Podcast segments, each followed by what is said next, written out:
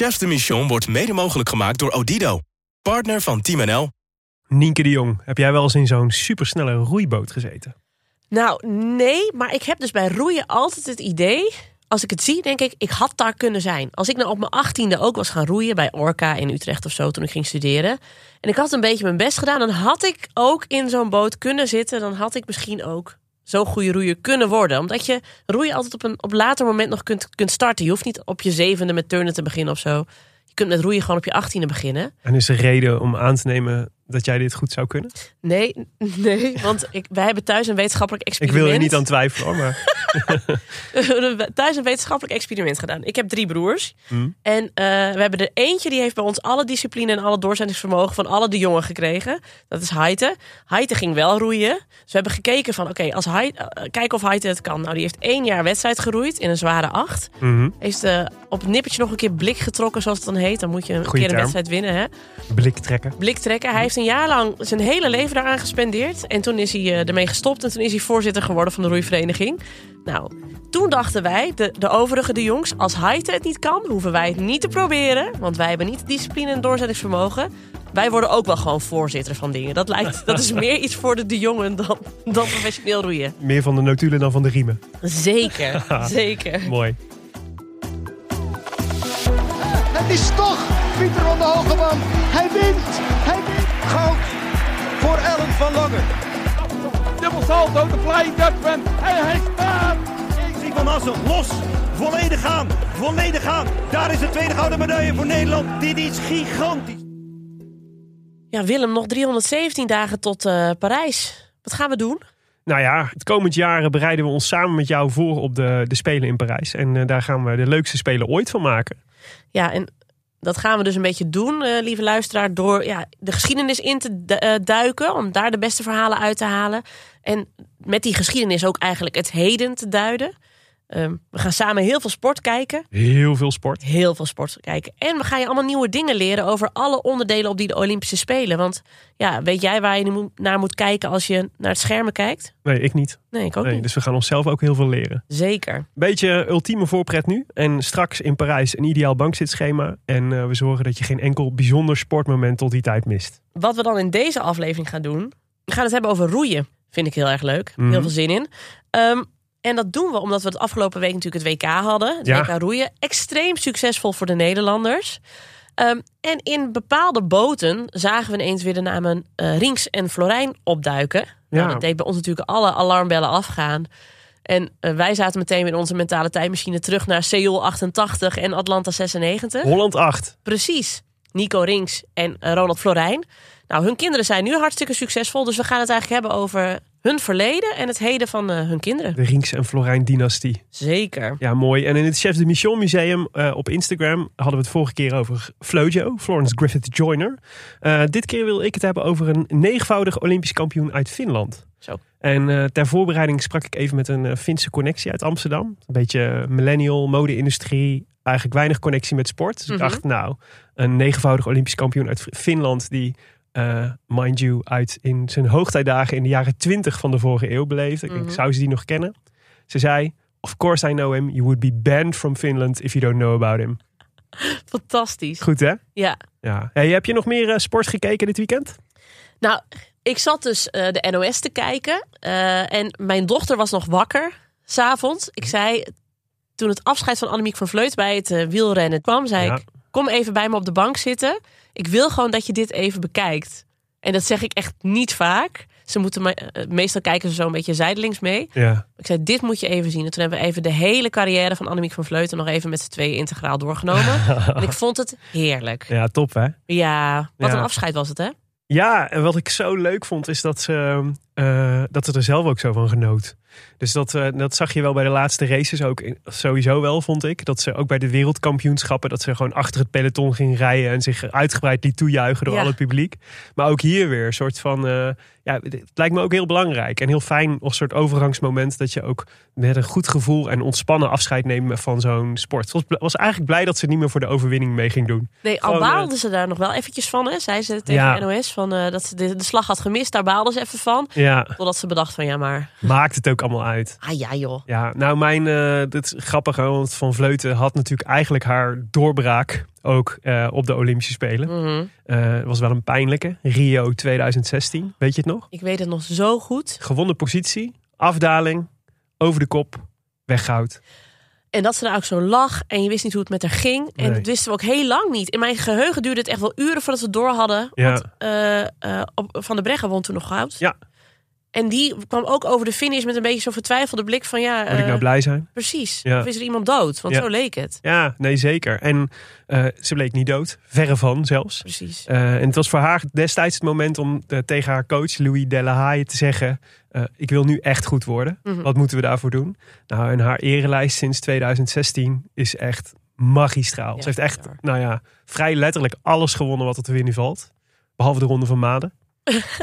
Ze smet op haar blazoen. Met op haar blazoen. Ja. Eh, en natuurlijk alsnog eh revanche gepakt in 2021 in Tokio. ja. Eh, eerst alsnog een misser. Oh man, ja. Toen ze dacht dat ze gewonnen had, maar dat ze tweede bleek te zijn. Mhm. Maar een paar dagen later, meen ik, in de tijdrit pakte ze alsnog goud. Ja, fantastisch. En daarmee werd, het, werd de Olympische Spelen toch iets positiefs voor. In plaats van alleen maar een eh, aaneenschakeling van negatieve momenten. ja. Maar ja, legende die afscheid neemt. Ik ga er wel missen. Ik eh, ben dol op haar eh, aanvalsmentaliteit en haar Ja. doorzettingsvermogen. En, eh, en ik vind het ook een heel prettig mens. Dus het is haar gegund, haar afscheid. Ze heeft lang genoeg meegedaan. Ja, Maar ik ga er wel missen. ja ik ook. Ik ook. Ehm, waar we het ook even over moeten hebben. De Diamond League, afgelopen Ja? vrijdag. Zag jij Femke Bol wederom schitteren? Mhm. Was goed, hè? Was weer goed. Geef weer hoop voor, eh, voor Parijs. Ja, Echt heel fijn. Ja, ik, eh, ik zag dat ze nog één Diamond League gaat lopen volgende week. Eh, daarna wens ik er een lange en een goede vakantie. ik wou nog even één ding memoreren. Niels Laros hadden we het vorige keer niet over gehad. Maar Mhm. die liep ehm, in, het, in het zog van Jacob Ingebritsen. Liep hij een incourante afstand. Soms doen ze dat. Lopen ze in één keer een, dus nu de 2000 meter. Wat niet echt een, een normaal nummer is. Nee. Maar was heel vet. Want Ingebritsen wilde dus het wereldrecord op de 2000 meter aanvallen. Dat lukte. Eh, maar Niels Laros, onze 800 meter loper, liep eh, ook mee in die race. 2000 meter. Versloeg, wat, werd geloof ik vijfde in die Mhm. race. En dit was wederom een teken. Deze jongen gaat er, komt er zo hard aan richting Parijs. Vet. Ja, en wat leuk is, hij zat bij dezelfde atletiekvereniging als ik. Nou ja. Scorpio in Oosterhout. Dat kan toch niet anders? Ik ga trouwens het hele begrip incourante afstand ga ik ook gewoon gebruiken voor mijn eigen hardlooprondjes. Dat ik zeg, ja, ik zou acht, maar het werd eh 6,5. Ja. Dat is incourante Ik afstand. had gewoon maar- zin in een incourante afstand. vandaag. ja, precies. Maar ja, het hoogtepunt was het roeien natuurlijk. Hoe vet was dat, die twee dagen? Echt niet normaal. Nee, eh, Nederland behaalde dit weekend zes wereldtitels en drie zilveren medailles op het WK roeien in Belgrado. Eh, goud voor Carolien Florijn, waar we het zo nog over gaan hebben. In de vrouwenskif, ping. Eh, in de skif zilver voor Simon van Dorp. En Corné de Koning, eh, Paralympisch skif, ook goud. Ja, mag ik even één ding daarover zeggen? Nou, Hoe leuk is het als het gewoon de Paralympische sport en de gewone sport, reguliere sport, ja, door elkaar lopen? echt hè? Ja, want normaal gesproken moet ik me echt altijd toe zetten om dan ook nog een keer een dag later de Paralympische eh, eh, onderdelen te gaan doen. Terwijl ik vond het echt superleuk om te kijken ook. Precies. Ja. Ja, en het was dus ook een soort van onopgemerkt of zo. Dat ik, want ik zat met een half oog al te kijken. En toen dacht ik, oh frek, het zijn de, het zijn de Paralympiërs Ja. die, die nu bezig zijn. Dat is toch veel beter inderdaad dan ergens weggemoffeld in een hoekje van het Ja. uitzendschema. Ik wil het gewoon allemaal Het, tegelijk. het was ook heel logisch, want dan, dit, zijn, dit is het onderdeel voor, voor hele zware mannen en dit is het onderdeel voor mensen zonder benen. Ja. Ja, nou prima. Precies. Ieder zijn wel. eigen categorie. hebben we allemaal wel wat. Ja. Ja. Oké, door met die, eh, met die medaillespiegel. In de twee, dus Stef Broenink en Melvin Twellaar in de dubbel twee goud. En Veronique Meester en Imke Klevering in de twee zonder goud. Nou, in de vierde, Die zonder, dat betekent zonder stuurman, toch? eh, twee zonder. Ja, twee zonder stuurman. dat klopt. Ik ga zo nog uitleggen welke, welke onderdelen we allemaal hebben. Eh, de vieren, de dubbel vier ook goud bij de mannen. En zilver, de dubbel vier van de vrouwen. Dan had je ook nog de vier zonder. Dat zijn Bente Boonstra, Tinka Offerijns, Hermijntje Drent en Marloes Oldenburg. De vier zonder dus goud. En dat is een bijzonder verhaal. Het werd ook al veel gememoreerd. Als je het hebt gekeken, heb je het gehoord. Marloes Oldenburg, die vorig jaar nog haar nek brak bij een eh, mountainbike ongeluk. Mm. En eh, dus het afgelopen jaar ook vooral heeft gerevalideerd. Omdat ze niet eens meer zonder pijn haar tanden kon poetsen. Die nu dus gewoon goud op het WK haalt. Dat is wel echt ongelooflijk. Ja. En eh, de Holland 8, eh, zilver. De Ja. mannen Holland 8 hebben we het dan over. En kwamen heel dicht bij goud nog. Heel dicht bij goud. Die Ja. baalden als een stekker. Ja. Dat is altijd een goede motivatie, is mijn ervaring. Exact. Ah, we zitten natuurlijk een jaar voor Parijs, bijna. Dus dat geeft wel echt heel veel hoop voor een eh, grote medailleoogst daar, toch? Zeker, zeker. En eh, twee bekende namen dus eh, in het deelnemersveld. Ja, Maar daar me- gaan we het meerdere malen ook. Precies. daar gaan we het zo over hebben. Nienke, voor de mensen die niet elke week langs de bosbaan staan. Wat moeten we weten om, eh, om roeien te kunnen begrijpen? Hey, je hebt heel veel verschillende roeiklassen. En die moet je wel een beetje uit elkaar kunnen houden. Is wel handig. Ehm, je hebt allereerst ehm, roeien met twee spanen in je hand. Dat heet de boordklasse. Je hebt roeiers met één spaan in hun hand. Dat heet de skulklasse. Je hebt boten met stuur of zonder stuur. Dus dat is dan de vier zonder of gewoon de vier. En dan Mhm. is de vier is met een, een, eh, een stuurman. En zonder is dan zonder stuurman. Ja. Ehm, en dan heb je nog zware of lichte boten. Eh, voor lichte heren geldt dat ze onder de 72,5 kilo moeten wegen. En het bootgemiddelde mag maar 70 kilo zijn. Dus dat zijn echt lichte mannen. Ja, wel knijtersterk. Knijtersterk. Lichte dames moeten lichter dan 59 kilo wegen. Met een bootgemiddelde van 57 kilo. Dat zijn echt ja. lichte, lichte kleine vrouwen. ja. En voor de zwaardere boten, daar zit geen maximum eh, gewicht aan. Dus dat zou helemaal mijn klasse zijn. helemaal mijn klasse zijn. Ehm, dus dat is licht en zwaar. De geschiedenis van de roeisport in Nederland is eigenlijk tot 1988 best wel een magere geschiedenis. We hebben in 1968 heeft in Mexico op de Olympische Spelen eh, Jan Wienese goud gehaald in de skif. Ik dacht dus heel lang dat het Jan Wienese was, maar ik weet het is nu Jan Wienese. Dan had je nog een zilver in de dubbel 2, ook in Mexico. Voor Harry Droog en Leendert van Dis. Wie kent ze nog? Helemaal niemand meer. Daarna dus 20 jaar lang helemaal niks. Echt krekels. Hm. Seoul 1988 komt dan. En dan winnen Nico Rings en Ronald Florijn goud in de dubbel 2. Wat helemaal niet verwacht was. Dat moet ik erbij zeggen. Dit waren toen nog twee jonge jongens. Zij hadden allebei Olympische tickets voor andere onderdelen. Ronald Florijn in de dubbel 4. Nico Rings als skiffeur. Nico Rings, een jongen uit Zwolle. Ronald Florijn, een echte Leidenaar. Mhm. Komen elkaar tegen op de, op de roeibaan en in het eh, internationale roeiveld. Die wisten dus van elkaars Olympische tickets, maar die zeiden tegen elkaar: wij moeten de krachten bundelen om kans te maken op een medaille. Wij moeten met z'n tweeën in een boot gaan zitten. En de concurrentie was moordend, want het ijzeren gordijn, gordijn stond nog. En in die Oostbloklanden zaten zoveel sterke roeiers. En ze hebben zelf gezegd: er was zoveel doping bij. Daar viel bijna niet tegen op te roeien.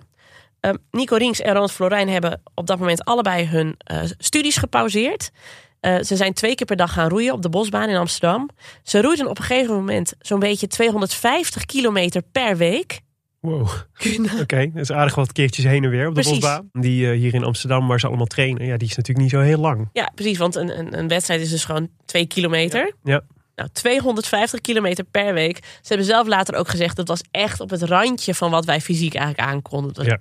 Eigenlijk niet te doen. Maar ze wisten van, we moeten er fysiek alles aan gedaan hebben om echt een schijn van kans te maken. Nou, in de Sports Illustrated in Amerika werden ze wel aangemerkt als kanshebbers. Maar in Nederland werd dat ook helemaal niet opgepikt. Hun coach had het zelfs niet eens door. Want tijdens de finale, toen ze de finale hadden gehaald van de dubbel 2, zat hij in een radiostudio commentaar te geven. Hij liep niet eens langs de baan. Hij had helemaal niet gedacht dat ze überhaupt zouden eh, kunnen winnen. Lekkere coach. Want ze waren ook in de jaren daarvoor gewoon altijd al blij dat ze de finale haalden. En eh, ehm, bij die Olympische finale lagen ze ook na de eerste 500 meter lagen ze vijfde van de zes. Mhm. Dus toen leek het helemaal niet op dat het, eh, dat het ze ging lukken. Ja. Hun winst is in 88 eigenlijk geweest dat zij heel constant hebben geroeid. Dus ze waren constant even snel, terwijl andere boten op het laatst gewoon inzakten. En zo hebben ze dus Olympisch goud gewonnen. Nou ja, en toen openden de deuren voor Rinks en Florijn, want dit was zoiets unieks. Dan kregen ze ineens alle aandacht en alle eh, mogelijkheden. Ze hebben allebei in 92 ook meegedaan aan de Olympische Spelen in Barcelona. Eh, Nico Rings met Henk-Jan Zwolle, die dan weer niet uit Zwolle komt, maar uit Enschede. haalde brons in de dubbel 2. En eh, Ronald Florijn werd vijfde in de dubbel 4. Maar Barcelona 92 was dus nou ja, niet zo succesvol voor die roeiers. Want die hele bronzen medaille van Nico Rings Ja. en Henk-Jan Zwolle was ook de enige die ze daar gehaald hebben. Toen dachten ze, dit moet anders. Toen hebben ze een vriendenploeg bij elkaar geroepen... eh, om een nieuwe Holland 8 te gaan formeren. Eh, dus- Koningsnummer van het roeien. koningsnummer van het roeien. Jarenlang gedomineerd door de Duitsers en de Amerikanen. Maar ze dachten, we hebben echt wel een goede lichting roeiers. Wij kunnen dit samen ook wel gaan doen. Mhm. En Riens en Florijn waren echt wel de aanjagers. Ehm, met, met, ze hebben echt een soort vriendenploeg om zich heen geformeerd. de roeibond zag daar eh, in het beginsel niet heel veel heil in. Het werd ook in, de, in de wandelgangen werd, eh, werd het een soort aftrainproject genoemd. Noemden ze de boot de Henry Dunant. dat is toch die waar het Rode Kruis de excursies op organiseert? Precies, waar oude mensen zeg maar met hun rollator. Ja, een soort de- zonnebloem. De zon, ja, we hadden ook de zonnebloem kunnen noemen, ja. Dus eh, dat hadden die roeiers ook wel door. En die dachten, ja, dan, dan doen we het zelf wel. Ze hebben voor 50.000 gulden zelf een, eh, een acht gekocht. Een, een boot, hebben ze hun eigen geld ingelegd. Ja. Die gedoopt werd door eh, Ruud Lubbers. Herkent u deze nog, nog, nog? En ehm, uiteindelijk gingen ze best wel goed roeien met z'n achten. Toen werd het de roeibond ook wel duidelijk van... dit is best wel een serieuze kanshebber. Er zit potentie in. Ja, René Meinders was toen de bondscoach. Was toen al een heel getalenteerde coach. Eh, uiteindelijk kregen zij ook toestemming om met René Meinders, Meinders te gaan coachen of eh, te gaan werken. Ehm, dat veranderde de sfeer in de boot wel. Want het waren dus gewoon acht vrienden bij elkaar. Ja. Maar René Meinders kwam erbij in, Die eigenlijk hadden afgesproken, wij gaan samen in Atlanta Ga- voor goud. voor goud. Ja. Eh, de uitslagen waren er ook wel naar. Het ging goed. Eh eh, voerden veel finales. Ze wonnen heel vaak, vooral heel vaak zilver. Maar ze zagen goed op, op koers. Maar René Meinders vond dat het nog wel beter kon. Ehm, ze hadden ook het gevoel dat ze kracht misten in de boot. Er moesten sterkere, zwaardere roeiers bij. En Meinders vond eh, dat ook jonge roeiers een kans moesten krijgen om in die boot terecht te komen. Dus er werden eh, kwalificaties gehouden. Seed races, zoals dat bij het roeien heet. Eh, dat je bijvoorbeeld dan dus twee vieren tegen elkaar laat racen. Je noteert de tijden. Je haalt één van de roeiers uit de ene boot en vervangt die door een andere. Je laat ze weer racen en je kijkt wat het verschil is. Dus je moet echt gaan vechten voor je plek. Nou, Riens en Florijn hoefden dat niet. Dat hebben ze zelf afgedongen van, sorry hoor, maar Wij doen hier niet aan mee. wij, ja, Ronald Florijn zei: Ik heb daar een zeer hard gesprek over gevoerd. Dat als ik zou moeten roeien voor mijn plek, dan was ik weg geweest. Hij zei: Ik heb eigenhandig deze hele boot eh, eh, geregeld. Ja. Ik blijf zitten waar ik zit. Nou ja, er zijn nog wat wisselingen geweest. Dus er zijn jongens van het eerste uur die bij die oprichting van die acht waren, die uiteindelijk de Olympische Spelen niet gehaald hebben. Er zijn ook roeiers zelf afgevallen die zeiden van dit past niet meer bij mij. Dit is een manier van roeien. Dus niet per se heel technisch, maar ook heel krachtig. Ja. Die niet bij mij past. Ehm, ja, er zaten ook mannen tussen die gewoon permanent overtraind waren. en Die alleen maar moesten kotsen voordat ze Ja, moesten gaan roeien. Er is een andere tijden sport over gemaakt die ik jullie van harte kan aanraden. Die ik ook zeker even in de show notes zal zetten. Maar uiteindelijk winnen ze dus met ja, groot vertoon goud in eh, Atlanta in 96. ja. Dus het is gewoon gelukt. ja, volgens mij ook één zo- zo'n moment wat in volgens mij heel veel geheugens gegrift staat. En in, altijd in alle lijstjes van top 10 mooiste momenten van Nederlandse prestaties op de Olympische Spelen terechtkomt. Zeker. Ja, heel vet. Maar wat me, want ik heb die andere tijden heb ik ook gezien destijds. En wat me toen opviel en nu ook weer opviel, is dat het, het is zo keihard qua Ja. topsport. Dus dat inderdaad dat idee van ach, met acht vrienden beginnen aan zo'n project. En dan op een gegeven moment wordt het serieus en worden er gewoon een paar uitgeknikkerd.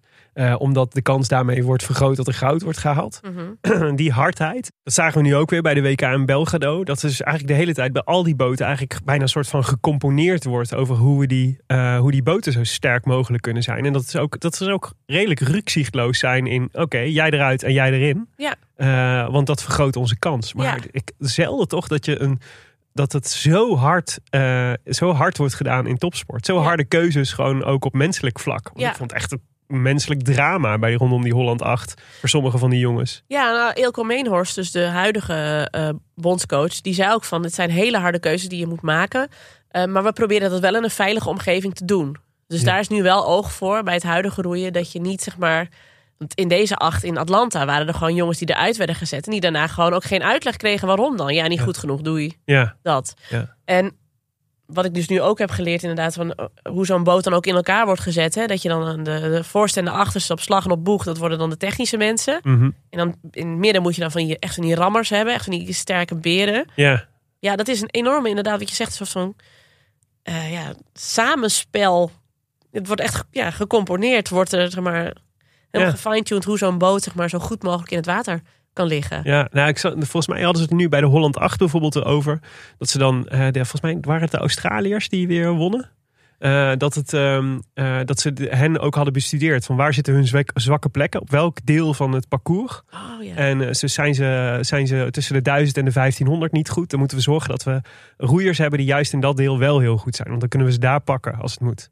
Wow. En eh, zo, zo specifieke compositie van die boot. Om zeg maar uiteindelijk het allerbeste resultaat ook ten opzichte van je tegenstanders te halen. Vond ik echt heel cool. Ja, en Ja. waren dus ook, las ik ook als spionnen bij de Nederlandse boten geweest. Ja. Die langs liepen om te kijken van wat voor materiaal hebben ze en hoe zitten ze daarin. Ja, dat ga je nu natuurlijk krijgen. Dat, het gewoon, eh, dat wij nu de favoriet zijn. Ja, precies. Ik heb er trouwens ook wel van dichtbij meegemaakt. Ik had een, een huisgenootje, Claudia Belderbos, brons eh, Mhm. in, eh, in Londen, in de vrouwenacht.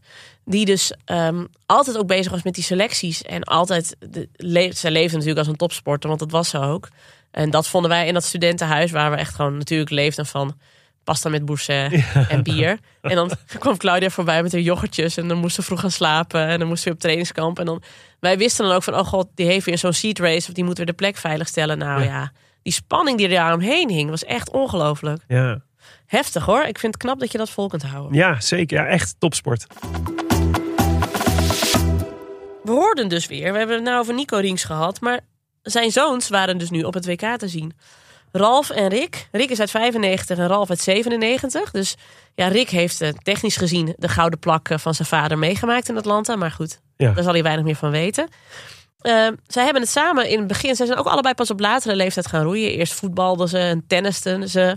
Hadden ze helemaal geen behoefte om eh, in een boot te stappen. Ze kregen het roeien altijd wel mee. Maar ze zeiden ook in een interview in het AD van... wij hadden eigenlijk niet zo heel erg door wat onze ouders nou eigenlijk deden. Want hun vader is dus Nico Rings. Hun Ja. moeder is Henriette van Ettenkoven.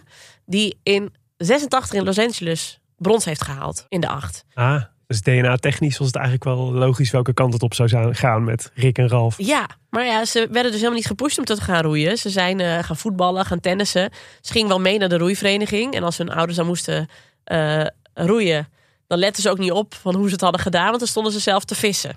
Ja. Dus ze hebben wel meegekregen dat sport mooi en belangrijk is. Zeiden ze in een interview in het AD. En ja, we hebben ook wel gemerkt dat roeien een mooie sport is. Maar totdat we 16, 17 jaar oud waren, hebben we het echt zelf nooit gedaan. Nooit. Mm, Dat, is dat vond ik echt opmerkelijk. ja, Maar dat geeft ook wel aan dat dit ouders zijn die hun kinderen dus gewoon echt wel een beetje met rust laten. En als je alle eh, verhalen leest over Ralf en Rick en over hun vader, lees je overal van Nico wil zich pas bemoeien met de jongens als zij aan hem vragen wat Ja. vond je ervan. Maar het is geen ongevraagd advies, het is geen drill instructor, het is geen, eh, het is niet zo'n tiger mom zeg maar in een roeiboot. dat is hij echt niet. Eigenlijk hebben ze het pas opgepakt, die jongens, eh, toen de coronapandemie kwam. Toen eh, zaten ze met z'n allen een half jaar lang in Zwolle, in het ouderlijk huis. En hebben ze daar met z'n tweeën steeds getraind met hun vader als coach. En dat was heel erg leuk. En ze roeiden technisch vooral heel goed. Want Ralf en Rick li- lijken qua uiterlijk en qua kracht heel erg op hun vader. uh-huh. Nico is een hele technische roeier, helemaal geen krachtpatser. ja. Dat zijn de jongens ook. Daarom zat hij ook op slag bij de Holland 8, toch? Precies, Ja. precies. En eh, dus in die coronaperiode gingen ze dan 's ochtends trainen en smiddags gingen ze kijken van oké, hoe hebben we het gedaan? Gingen ze filmbeelden terug bekijken. En ze gingen ook vaak s'avonds dan nog met hun vader filmpjes kijken eh, van mooie roeivoorbeelden. Van oké, zo moet je in de boot zitten. Ja. Zo, moet je, eh, zo moet je je race opbouwen. En dan gingen ze dat de volgende dag dan weer zelf uitproberen. Dus daar is eigenlijk het zaadje een beetje geplant. En toen zij eenmaal God, is toch nog ergens goed voor geweest, die coronaperiode. ja, het heeft ons wel Ralf en Rick Rinks een roeiboot gegeven. Dus nou ja, bedankt. Bedankt Wuhan. ze zijn ook gewoon studenten, Ralf en Rick. En ondertussen eh, eh, roeien ze. Eh, maar ze zijn dus ook helemaal niet zo sterk op bijvoorbeeld op een ergometer. Zij moeten het echt van hun techniek hebben. Eh, ze zijn dus samen begonnen in die twee zonder. Ze hebben het ook nog even in de acht geprobeerd. Maar daar zijn zij, nou ja, rukzichtloos uitgezet. Oh ja? Nou, nou ja, ze, ze, kunnen, ze hebben dus meer kans in, de in de vier zonder. Ja, Waarin ze nu dus ook een Olympisch ticket hebben gehaald. Dus eh, we gaan ze zien in Parijs. ja, vet. Heel vet. Nou ja, op die roeibanen kwamen de Rinksen dus ook weer de Florijns tegen. En ik, ik sprak eh, voor deze aflevering even met eh, mijn oud-huisgenoot. Ik heb veel oud-huisgenoten. Dat eh, blijkt, ja. Ja, mijn oud-huisgenoot Erik van Lakerveld. Die is nu eh, journalist. Volgt voor de Volkskrant het roeien. En heeft beide families gesproken. En zegt ook, ja, ze zijn onlosmakelijk met elkaar verbonden. Het is niet alleen dat die vaders heel veel contact met elkaar hebben. Die kinderen hebben altijd ook veel contact met elkaar gehad. Dus ja, des te bijzonderder dat ze elkaar nu allemaal weer tegenkomen. Want bij de Florijnen heb je er drie. Ja. En ook weer een roeiende moeder. Ronald Florijn kreeg een relatie met Antje Rehaag. Zij is een Duitse. En Oh, dat is altijd goed. altijd goed. West-Duitsland. Ze werd wereldkampioen met West-Duitsland in de acht. En heeft ook meegedaan aan de Olympische Spelen van Atlanta. Ja. Waar de Ronald dus goud won. Nou ja, Ronald Florijn ja, heeft natuurlijk een pal palmares waar je helemaal gek van wordt. Ze kregen samen drie kinderen. Caroli Carolien, dat is op dit moment de bekendste. Ja. Eh, ja, dat is een oppermeester in de skif op dit moment. Onverslaanbaar. Onverslaanbaar. Was een beetje pijnlijk om te zien voor haar tegenstanders de afgelopen WK. Precies, de eerste Nederlandse roeier die twee keer wereldkampioen in de skif is geworden. Opeenvolgend ook nog een keer. Ja, dat is ongelooflijk. Ja. Eh, zometeen meer over Caroline en hoe ze traint. Want het is heel, ik vind dat ook weer een opmerkelijk verhaal. Ze heeft dan nog een broer, Finn. Die komt in 1999. Die gaat ook naar de Olympische Spelen. Ehm, die zat in de dubbel vier en won deze keer ook goud op het WK. Dus nog een gouden Florijn erbij. Lekker Florijntjes. Zeker. En dan heb je ook nog Beer, die is een paar jaar jonger.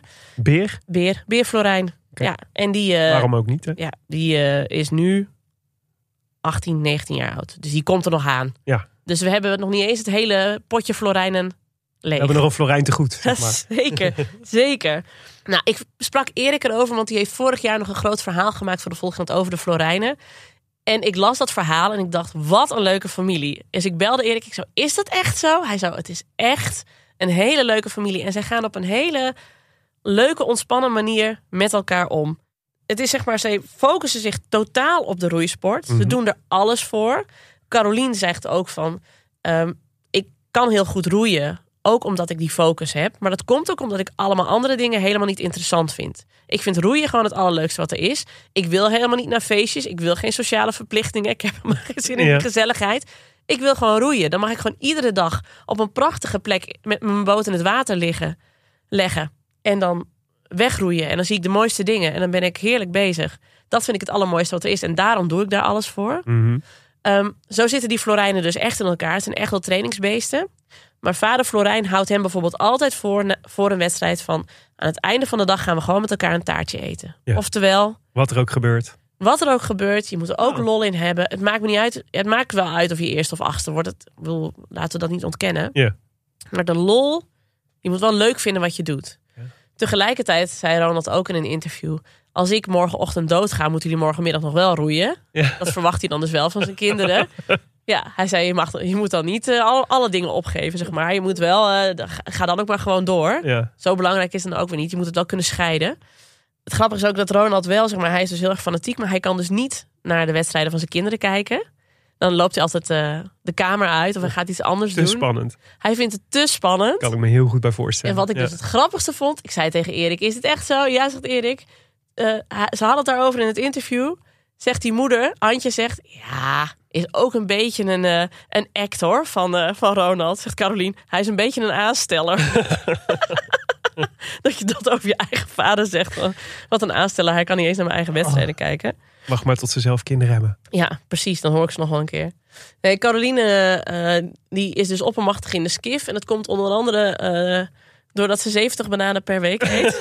ja, dit is volgens mij echt een- het, het detail dat het vaakst genoemd wordt als het over Carolien Florijn gaat. Ja. Ze heeft het denk ik één keer ergens ge- genoemd, de- haar bananenconsumptie. ja, Sindsdien iedereen die ook de naam Carolien Florijn voorlegt, is, dat is het eerste wat ze, wat ze 70 vinden. bananen. 70 bananen. Ja. Terwijl Ronald ook heel erg heeft uitgelegd van wat hebben, ja, het wordt hem natuurlijk altijd gevraagd van wat hebben jouw kinderen eraan dat jij ook zo'n goede roeier bent geweest? Heb je dan tips of zo? Dat hij wel zegt, ja, ik heb voedingstechnisch misschien ook wel fouten gemaakt of zo. Of had ik dingen anders moeten doen? En dan kan ik nou aan hen uitleggen van doe dat niet zo. Ja. Maar goed, was die, die 70 bananen geloof ik dus niet bij. En het gaat natuurlijk ook in interviews met die, met die vaders en die kinderen heel vaak over... Ja, hoe word je nou eigenlijk een goede roeier? Ja. Wat ik natuurlijk ook in mijn eigen familie heb Ja, gezien. ja, zeker. Of een goede voorzitter van de roeibond. Ja, precies. Hoe word je een goede voor- voorzitter? Nou, die hebben we in de vingers. Dan wordt er natuurlijk altijd gezocht naar van... hebben jullie een soort van magisch gen... waardoor jullie Ja. zulke goede roeiers zijn geworden? Nou ja, het, het feit dat je, je vader en je moeder heel goed kunnen roeien, doet wel vermoeden dat DNA eh, een klein beetje een rol Ja, speelt. het- maar het heeft dus ook heel erg te maken met de aapfactor, heb ik geleerd. De aapfactor. De aapfactor. Oké. Dat is eigenlijk... Raakt dit weer aan die bananenconsumptie van... eh, Nee, dat zou je denken, maar nee. Het gaat er eigenlijk om dat jouw armen eh, je grotere jij, spanwijdte spreidt, hebt. jij spreidt nu je armen, ik doe hetzelfde, ja? Ja, je hebt een grote spanwijdte nodig. Hoe groter jouw spanwijdte is, hoe meer kracht je kunt overbrengen. Oh, en dit was Dat vooral... is logisch. Hefboom effect. Ja. Ja, dat was vroeger heel erg belangrijk bij het roeien. Nu kunnen ze met nieuwe boten en zo kunnen ze dat technisch ook wel opvangen. Als jij iets kortere armpjes hebt, ja, dan zou ik geen Tyrannosaurus Rex in een roeiboot zitten. Maar voor de rest, dat is wel duidelijk. We waren heel slecht in roeien. ja, precies. Daarom zijn ze ook uitgestorven. Ja. Als je je ergens op kon pakken, dan was het op de roeibaan. Is wel zo. dus de aapfactor. Dus je hebt lange armen nodig. Nou, dat hebben die Florijnen allemaal, lange armen. Eh, en voor de rest zegt Ronald ook, die debunkt de hele tijd. Die is zo'n magische Florijnen mystiek van, oh, waarom zijn ze zo goed? Hij zegt, het gaat gewoon om wattages. En hij geeft telkens het voorbeeld van een, eh, een mixer. Als je een mixer gebruikt van 100 watt, dan gaat hij ook minder snel dan een mixer van 200 Ja. watt. Dus hoeveel wattages jij kunt weg eh, roeien op zo'n ergometer, dat zegt gewoon alles. Ja. En blijkbaar kunnen die Florijnen dus gewoon heel goed. Die hebben gewoon hele hoge wattages. Uh-huh. Ze hebben die aapfactor. En ze hebben dus het vermogen om zich helemaal te storten op die sport. Met oogkleppen op. eh Rukzichtloos ervoor gaan. En dat zie je natuurlijk. Dat is natuurlijk eigenlijk het succesrecept voor iedere sport zo'n beetje. Ja, ja. Bij wielrenners zie je ook dat wattages en, Ja, en er alles voor laten. maar het helpt denk ik ook. We hadden het natuurlijk vorige keer over Papendal. Als de sportomgeving waar je opgroeit. Dat maakt natuurlijk ook wel uit. Ja. Dus het feit dat je, dat je ouders hebt die weten wat het is om topsport te bedrijven. Ja. Wat daarvoor nodig is. En aan wie je altijd kunt vragen. Nou, wat je zei, weet je wel, coronatijd. Dat de rinksen samen gaan trainen. Ja, Ja, dat kan, dat kan alleen maar bestaan bij de gratie van een vader die supergoed is in roeien. En dat kan overbrengen aan Ja, zijn zoons. dat, ga je niet, dat gaat je niet lukken met een vader die met een zak Nee. hamkaas op de bank oude afleveringen Seinfeld Ik, zit ik te kan mijn kinderen heel goed leren hoe je sport kijkt. Daar hebben we heel veel tijd aan besteed.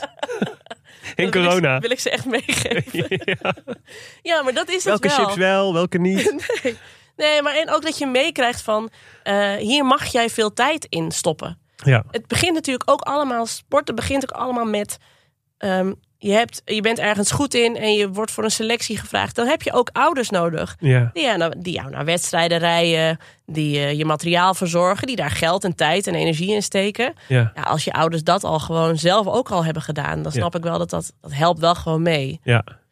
Maar ehm, Ja, dit raakt een beetje aan die Nepo-baby-discussie, toch? Van- Ja. ja, is wel zo. ja. Ja, het is De Nepo-babies van het roeien. Ja, vind ik wel een mooie inderdaad. Ehm, het succes van de Nederlandse roeiers van het afgelopen WK zit ook nog wel in iets, in iets anders. Hm? Want ook de hele organisatiestructuur van de Nederlandse Roeibond is echt grondig op de schop gegaan. Ja, Ehm, rond 2016 is Ilko Meenhorst aangesteld als bondscoach. En die heeft het gewoon helemaal anders aangepakt. Eh, die kwam in dat roeien en die zag eigenlijk dat zo rond 2015 was het nog zo dat één coach verantwoordelijk was voor alles. Voor de, de hele selectie, voor het trainingsschema.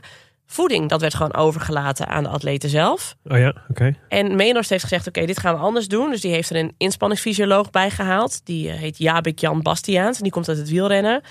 Ehm, en eh, ze zijn ook een andere manier van trainen hebben ze geïntroduceerd. eh, ergens in 2019. Eh, ze moesten 20 uur per week gaan trainen. En ze moesten langere stukken gaan roeien. Zodat ze niet de hele tijd hun topsnelheid hoefden te halen, halen om wel aan hun uithoudingsvermogen te kunnen Oh werken. ja, ja. Wat ingewikkeld is, want die bosbaan is natuurlijk niet per se. Niet heel lang. Nee. Nee. Ehm, en er werd veel beter gekeken naar eh, voeding en naar wanneer moet je goed zijn en hoe moet je je voeding daar dan op aanpassen. Mhm. Ik vond het dus echt heel opmerkelijk dat dus tot 2016 Ja, die voeding gewoon maar een beetje werd overgelaten aan die roeiers zelf. ja. Hier heb je een bak met kwark, Ja, succes. ja. Maar vooral omdat we wel weten wat voor impact voeding natuurlijk heeft. Gewoon Ja. op je, de, de, de opbouw van je, eh, van je topsport. En van je topsport carrière. Dat is een van de factoren waar je gewoon als, ook als normaal mens het meeste voorsprong uit kunt halen. Ja. Wij als eh, gemiddelde sporters Uh-huh. kunnen ook de grootste winst halen uit voeding. Ja. Dat is het enige, dat is het eerste waar Vooral je aan minder. denken. klopt, klopt, klopt. Pijnlijk punt. Maar Nee, maar dat klopt. Ja, Ja. maar de, de, de, ik heb, zelf eh, de afgelopen jaren de Rode Lantaarn gemaakt over wielrennen. En daar was er nu natuurlijk de Jumbo-Visma-revolutie. mhm, Eh, dus dat, een ploeg die alles overheerst. En een van de belangrijkste dingen die zij veel beter doen dan andere, andere ploegen. Of als eerste in ieder geval heel serieus oppakte. Was voeding. Eh, en eh, en eh, eigenlijk individuele voedingsplannen voor elke renner. Die, die, omdat ze eigen behoeftes hebben. mhm. En eigenlijk bijna op het, nou nee, letterlijk op het koolhydraatje afmeten. Wat heeft iemand nodig om, om optimaal te kunnen presteren? ja. Ja, het, is, het is eigenlijk inderdaad met, met de kennis die je daar opdoet, is het onvoorstelbaar dat je dat, dat een andere sporten nog niet is. Als je ziet hoeveel impact dat heeft. Ja, Ja. terwijl ze dus inderdaad daarvoor ook in het wielrennen eh, dan s'avonds maar gewoon aten wat er in Ja. het hotel te krijgen was. Ja, precies. Zit je daar in Frankrijk met, eh, met eh, grijze boontjes en een kipfilet. Precies. Ja, Ja, het is absurd dat dat pas in het roeien zo laat is opgepakt. Ook omdat je de andere kant van de medaille ook kent. Dat in het roeien mensen best wel snel last hebben van eetstoornissen. Ja. Omdat je natuurlijk de hele tijd met je gewicht bezig bent. Ja. Helemaal als lichte roeier natuurlijk. ja, En omdat je dus ook altijd eh, wel vaak met andere mensen in een boot zit. Dus dat jouw prestaties ook zo mhm, eh, ja, van invloed zijn op de anderen in de boot. Dus die wil ik niet teleurstellen. ja. Nou, nog minder eten, nog meer Ja, trainen. ik vind het wel, ik vind het wel echt fascinerend ook. Ik ben nu dus aan het trainen voor de Amsterdam Marathon Mhm. zelf. En eh, ik zit nu in mijn intensieve weken. Wat betekent dat ik zo drie, vier keer in de week moet hardlopen. En ehm, er zijn eigenlijk twee. Ik heb nu voor het eerst dat ik een beetje ruik aan wat het is om topsporter te zijn. En vooral wat het fysiek met je doet. Mhm. En eh, naast dat ik voortdurend spierpijn heb, want die gaat niet meer over, omdat voordat de spierpijn is opgelost, dan moet, staat er alweer een volgende training. Vreselijk. Maar is het dus vooral, je hebt de hele tijd honger. Dus het is ook, je wordt ook constant geconfronteerd met ik moet eten, ik moet eten of ik Mm. moet iets hebben. En, eh, en dat lijkt me, het lijkt me zo heftig. Het is ook, het is, je, eh, het het is heel fijn als er iemand anders is dan, denk ik, die voor jou bepaalt of tegen jou zegt: dit moet je wel eten en dit niet. Dit is goed voor je en dit is niet. Als je honger hebt, moet je dit eten. Het lijkt me heel ingewikkeld als je dat. Eh, als je, het is een beetje, als je voortdurend honger hebt, moet je, wil je ook niet in supermarkt inlopen. Dan Nee. koop je altijd het verkeerde. Ja. Nou ja, dat is waarom iemand anders dat dus voor je moet doen, volgens Ja. mij. Ja. Nou ja, dat heeft dus echt ontzettend geholpen eh, bij eh, ja, het professionaliseren van die, van die roeiploeg.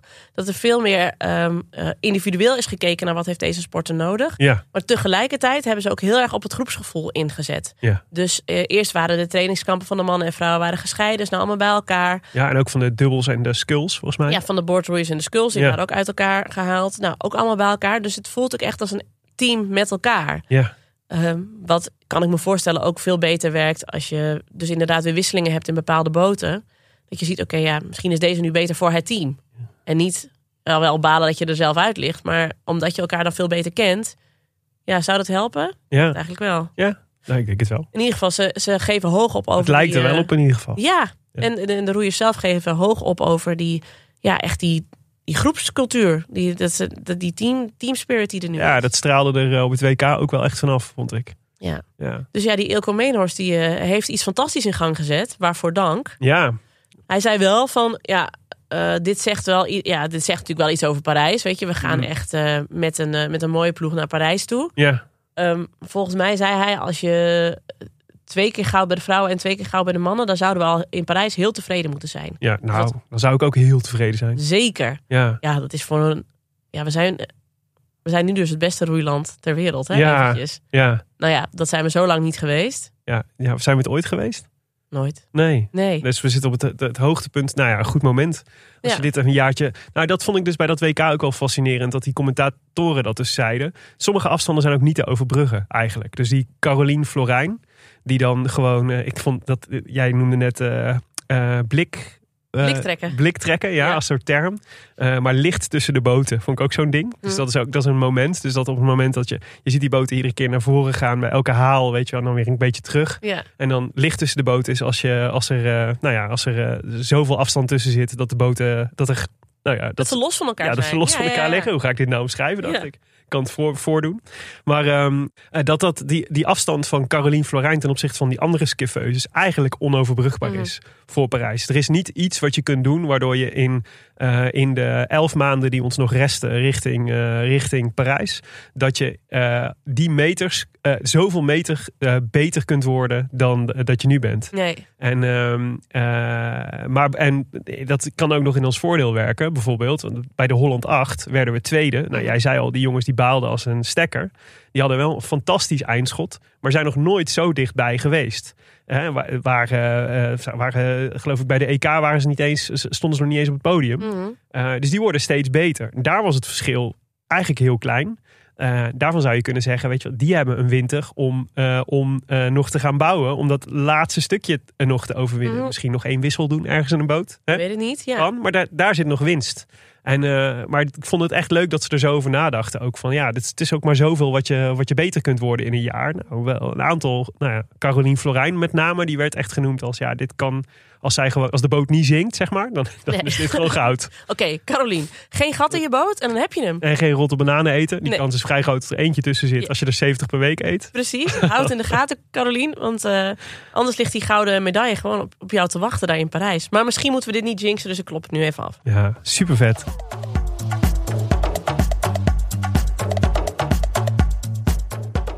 En dan nu het Chefs de Mission Museum op Instagram. Elke week kiezen we uit de roemrijke geschiedenis één nieuw en bijzonder Olympisch werk voor in ons Chefs de Mission Museum.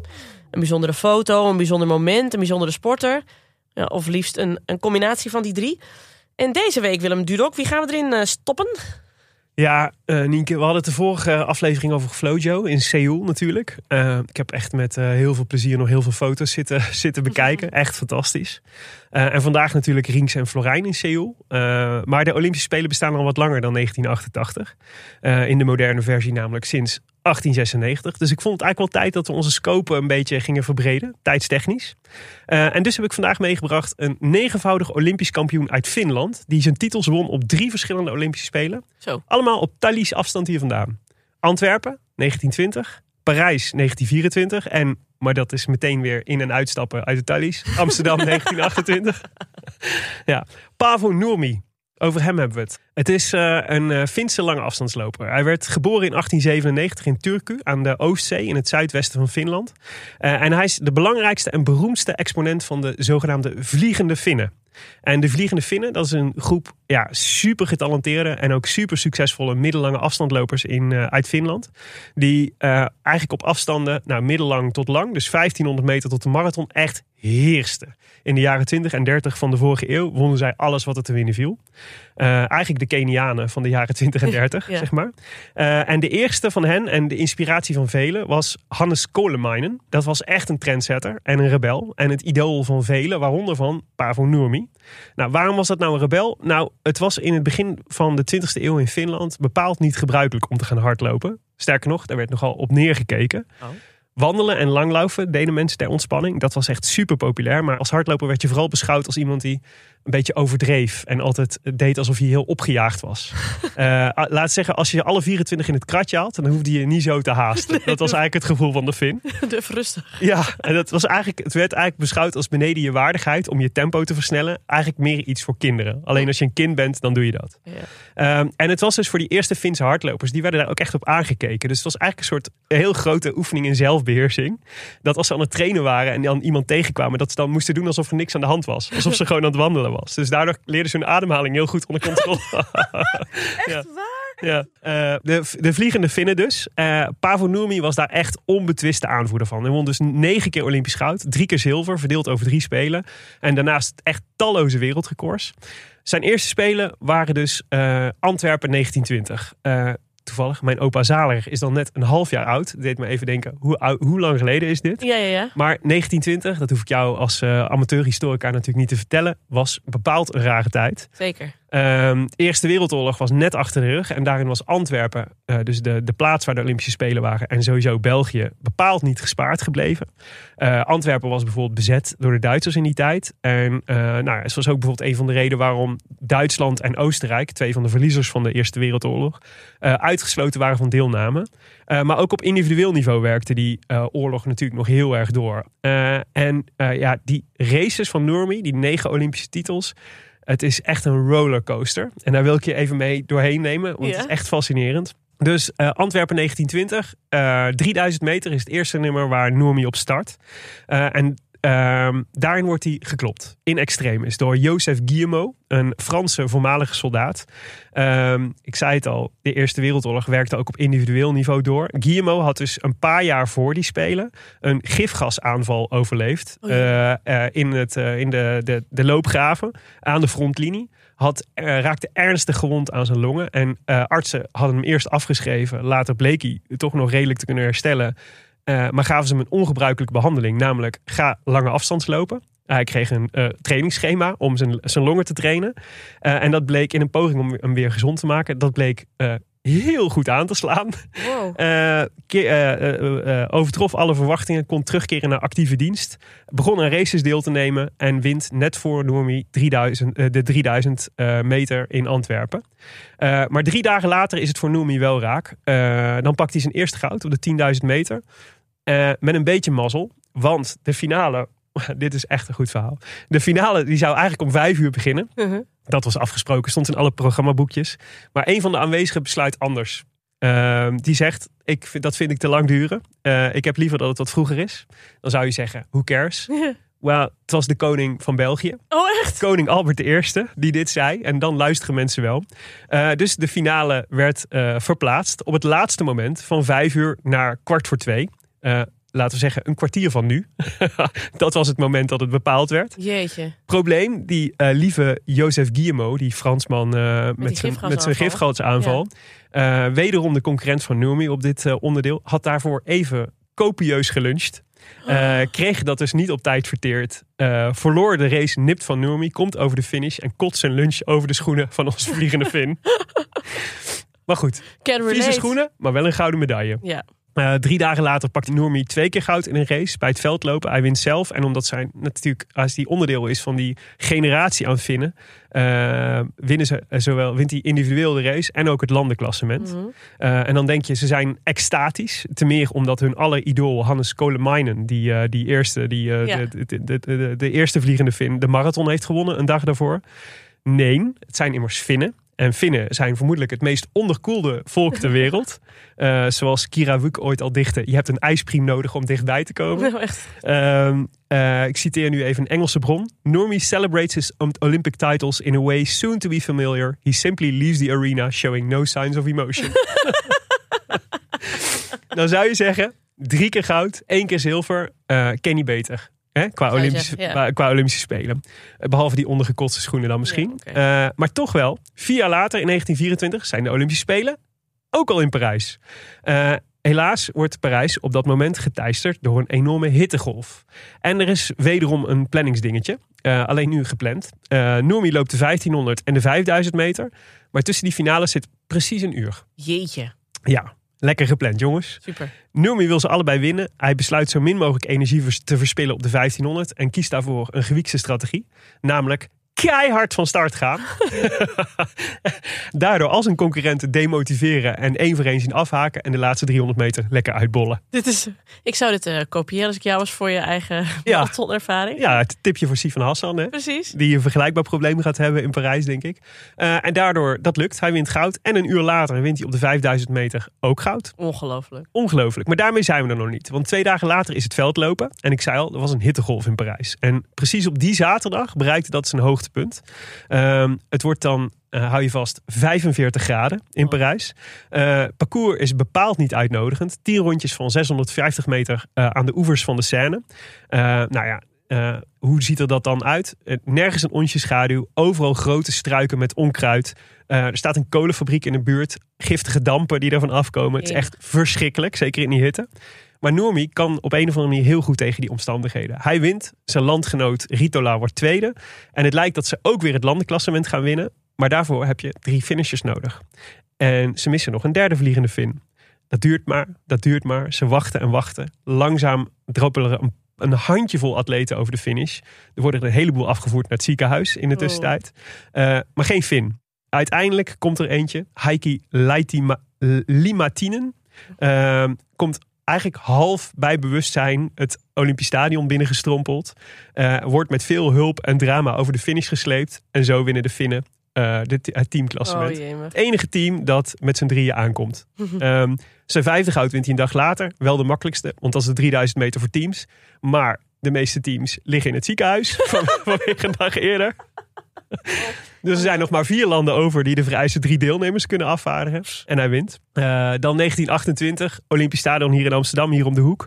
Trouwens ook de plek waar ik eh, over een maandje de marathon ga starten. En Mhm. wellicht ook ga finishen. Noemi loopt daar de 10.000 meter. 25 rondjes dus, over de atletiekbaan daar. Eh, en Noemi en Ritola worden daar eenvoudig 1 en 2. En zo wint hij dus op drie opeenvolgende spelen minimaal één gouden medaille. Zo. Maar dan eh, begint zich ook te wreken dat er zoveel vliegende Finnen zijn. Ook veel vliegende Finnen die zich inmiddels hebben laten inspireren door Noemi. Als, Ja. Dus er is een probleem met de startplekken. Er zijn te veel vliegende Finnen die zo goed zijn eh, dat er eigenlijk moet worden gekeken, ja, wie mag eigenlijk wat lopen. Uh, wordt niet geselecteerd voor de 1500 meter. Ehm, en het eh, veldlopen is geschrapt van het programma. En dus kiest hij voor de 3000 meter steeple. Eigenlijk een beetje random, want die had hij pas twee keer eerder gelopen Oh. in zijn leven. Hij dacht leuk zo'n waterbal. Ja, leuk zo'n waterbak. Ja. Viel een beetje tegen. In de series blijft hij dan met zijn spike hangen op de balk. Valt vol op zijn heup in de Oh. waterbak. eh, en strompelt niettemin naar de zegen in de, in de series. Eh, maar ja, in de finale eh, van de 5000, die de dag later is, heeft hij daar wel echt heel veel last van. Er zijn ook allerlei beelden dat je hem over de finish ziet strompelen en over zijn heup ziet wrijven. Hij verliest van zijn landgenoot Ritola en is eigenlijk kapot. Maar er komt nog één finale. Dat is die steeple-finale. En Noormi is Noormi. Inmiddels eh, achtvoudig kampioen. Nee, inmiddels negenvoudig Olympisch kampioen. Iedereen kijkt naar hem, of hij nou geblesseerd is of niet. En van dat gegeven maakt hij gebruik om eh, zichzelf legendarisch te maken in Finland. En een andere Fin te laten winnen. Toivo Lukola gaat er als een, eh, gek vandoor. Eh, maar alle andere atleten in die race zijn vooral bezig met wat Noormi doet. Mhm. Eh, want dat is de grote favoriet. En Noemi doet niks. Sterker nog, eh, hij gaat op kop lopen en hij drukt het tempo. Lukola wint eenvoudig. In de laatste ronde neemt Noemi afstand en sleept en passant een derde fin mee, eh, neemt op, een derde fin mee op sleeptouw. Zodat Finland 1, 2 en 3 wordt op de 3000 meter steeplechase. Nou, voor zover Noemi nog geen legende was, wordt hij dat nu wel Ja. in Finland.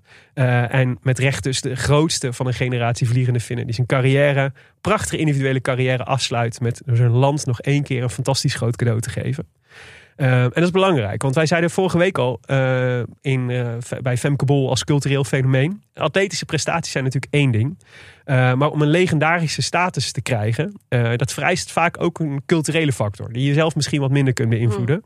En daarvoor is het ook wel weer goed om even terug te gaan naar dat tijdsgevricht. Eh, want Finland was tot en met de Eerste Wereldoorlog namelijk onderdeel van Rusland. Ja. Maar naast Oostenrijk en Duitsland hoorde ook Rusland tot de verliezers van de Eerste Wereldoorlog. En breekt de februari-revolutie uit en verklaart Finland zich onafhankelijk van Rusland op 6 december 1917. Dus drie jaar voor de Spelen eh, en de start van de zegenreeks van Pavo Nurmi. Nou, wat is nou de reden waarom Nurmi eh, die legendarische status heeft bereikt? Waarom kent iedereen hem in Finland nu nog steeds? Waarom word je geband from Finland eh, als je de naam Pavo Nurmi niet kent? Ja, atletiek was voor de Finnen eh, in die tijd een manier om zichzelf als piepjonge natie eh, eigenlijk te doen gelden, te presenteren aan de wereld. Hij heeft ze smol gegeven. Heeft ze smoel gegeven. Dus die vroege successen hebben de atletiek super geliefd gemaakt. En van de vliegende Finnen met Pavo Nurmi voorop echt nationale helden en symbolen. Eh, misschien nog wel het best, denk ik, te, te vergelijken met Johan Cruijff bij Ja. ons. Ja. Nurmi in het Instagram Museum. Wat een verhaal. Het Chefs de Mission Museum kun je vinden op Instagram. Het Chefs de Mission. Heb je nou suggesties? Stuur ons dan even een berichtje via Instagram. Dan bouwen we samen aan een hele vette collectie. Ja, deze week eh, vroeg luisteraar Tom Benjamins bijvoorbeeld om aandacht voor hoogspringer Javier Sotomayor uit Cuba. Eh, en daar gingen onze hartjes alvast eh, heel veel sneller van kloppen. Dus merci Tom, die gaat op het lijstje. Gaan we naar de, de week die gaat komen, Willem. Waar gaan we naar kijken? Ja, een drukke week weer. Ehm, eh, de finale van de Diamond League is eh, aankomende eh, zondagavond, zondagavond volgens mij. In Eugene, Oregon. Dus het wordt wel een latertje. Net aangekondigd, Jacob Ingebritsen, Femke Bol en Kiep Jegon doen mee. Dat is, Mhm. Die deelnemerslijst blijft altijd lang eh, geheim. Zeker aan het einde, of geheim, eh, eh, een raadsel. Zeker aan het einde van het seizoen, als sommigen alweer op vakantie zijn. We hadden het Femke Bol gegund, maar kennelijk gaat ze nog één keer lopen. Zondagavond om 4 over 10 loopt eh, Femke Bol de 400 meter horde. En te zien op eh, Ziggo Sport. Ja. Dan hebben we ook nog, daar zal jouw hartje sneller van gaan kloppen. Het World Skateboarding Tour in Lausanne. Zeker. Jouw zoon skateboard, weet, eh, weet ik. Erg leuk. Onderdeel van de Road to Paris. want de skaters kunnen daar punten verdienen voor de kwalificatie. Vrijdag zijn de halve finales en zaterdag de finales.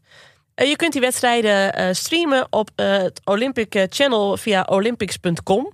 En via de officiële Olympics app. Ja, die moeten we ook maar even downloaden. Dat denk ik ook. Er staan veel livestreams met name van die eh, kleinere sporten. Die worden dan via die Olympics app gestreamd, zodat je ze kunt volgen. Zin in. In ehm, Chefs de Mission doen we volgende week een deep dive in de Olympische Spelen van Amsterdam 1928. We hadden het net al eventjes over, eh, over het Olympisch Stadion. Eh, tevens de enige Olympische Spelen die ooit in Nederland werden gehouden. Ook al is het wat vaker geprobeerd om ze hier naartoe te Mhm. krijgen. Fun fact, Nienke. Wist je dat eh, jouw geliefde kaatsen daar een van de demonstratiesporten was? Dat was mijn kans geweest, Dit jongen. was je kans geweest. Ja, nog meer dan het roeien. 80 jaar te vroeg geboren. Te laat geboren. Zonde. Sorry. Leuk voor mijn paken was het geweest. Dit was aflevering 2 van Chefs de Mission. Gepresenteerd door jouw Chefs de Mission, Willem Dudok en Inke de Jong. Deze podcast is een productie van Dag en Nacht Media. En de redactie is in handen van Maaike van Leeuwen en Jip van Meel. Wil je reageren? Je vindt ons en het Chefs de Mission Museum via Chefs de Mission op Instagram. Geef ons daar ook alsjeblieft je tips voor mooie onderwerpen waar we het absoluut eens moeten, over moeten hebben in deze podcast. En vond je dit nou leuk? Abonneer je dan op de feed. Dan bezorgen we nieuwe afleveringen wekelijks bij je thuis. En tip de show eens aan een paar vrienden en bekenden. Het zorgt er vooral voor dat meer mensen Chefs de Mission ontdekken. En dat is ook leuk voor jou. Want zo groeit bij iedereen, ook in jouw omgeving, de voorpret richting de Spelen. En dat is wat we willen. Mocht dit nou de eerste aflevering zijn die je luistert, dan hebben we een verrassing voor je. Aflevering 1 was ook heel leuk. Daarin kijken we terug op de gouden race van Ellen van Lange in Barcelona. Bespreken we de kansen van Femke Bol. Was echt leuk, al zeggen we het zelf. leuk, hè? Ja. Nou, met de Olympische groetjes van uw Chefs de Mission. En eh, tot de volgende week. Tot volgende week.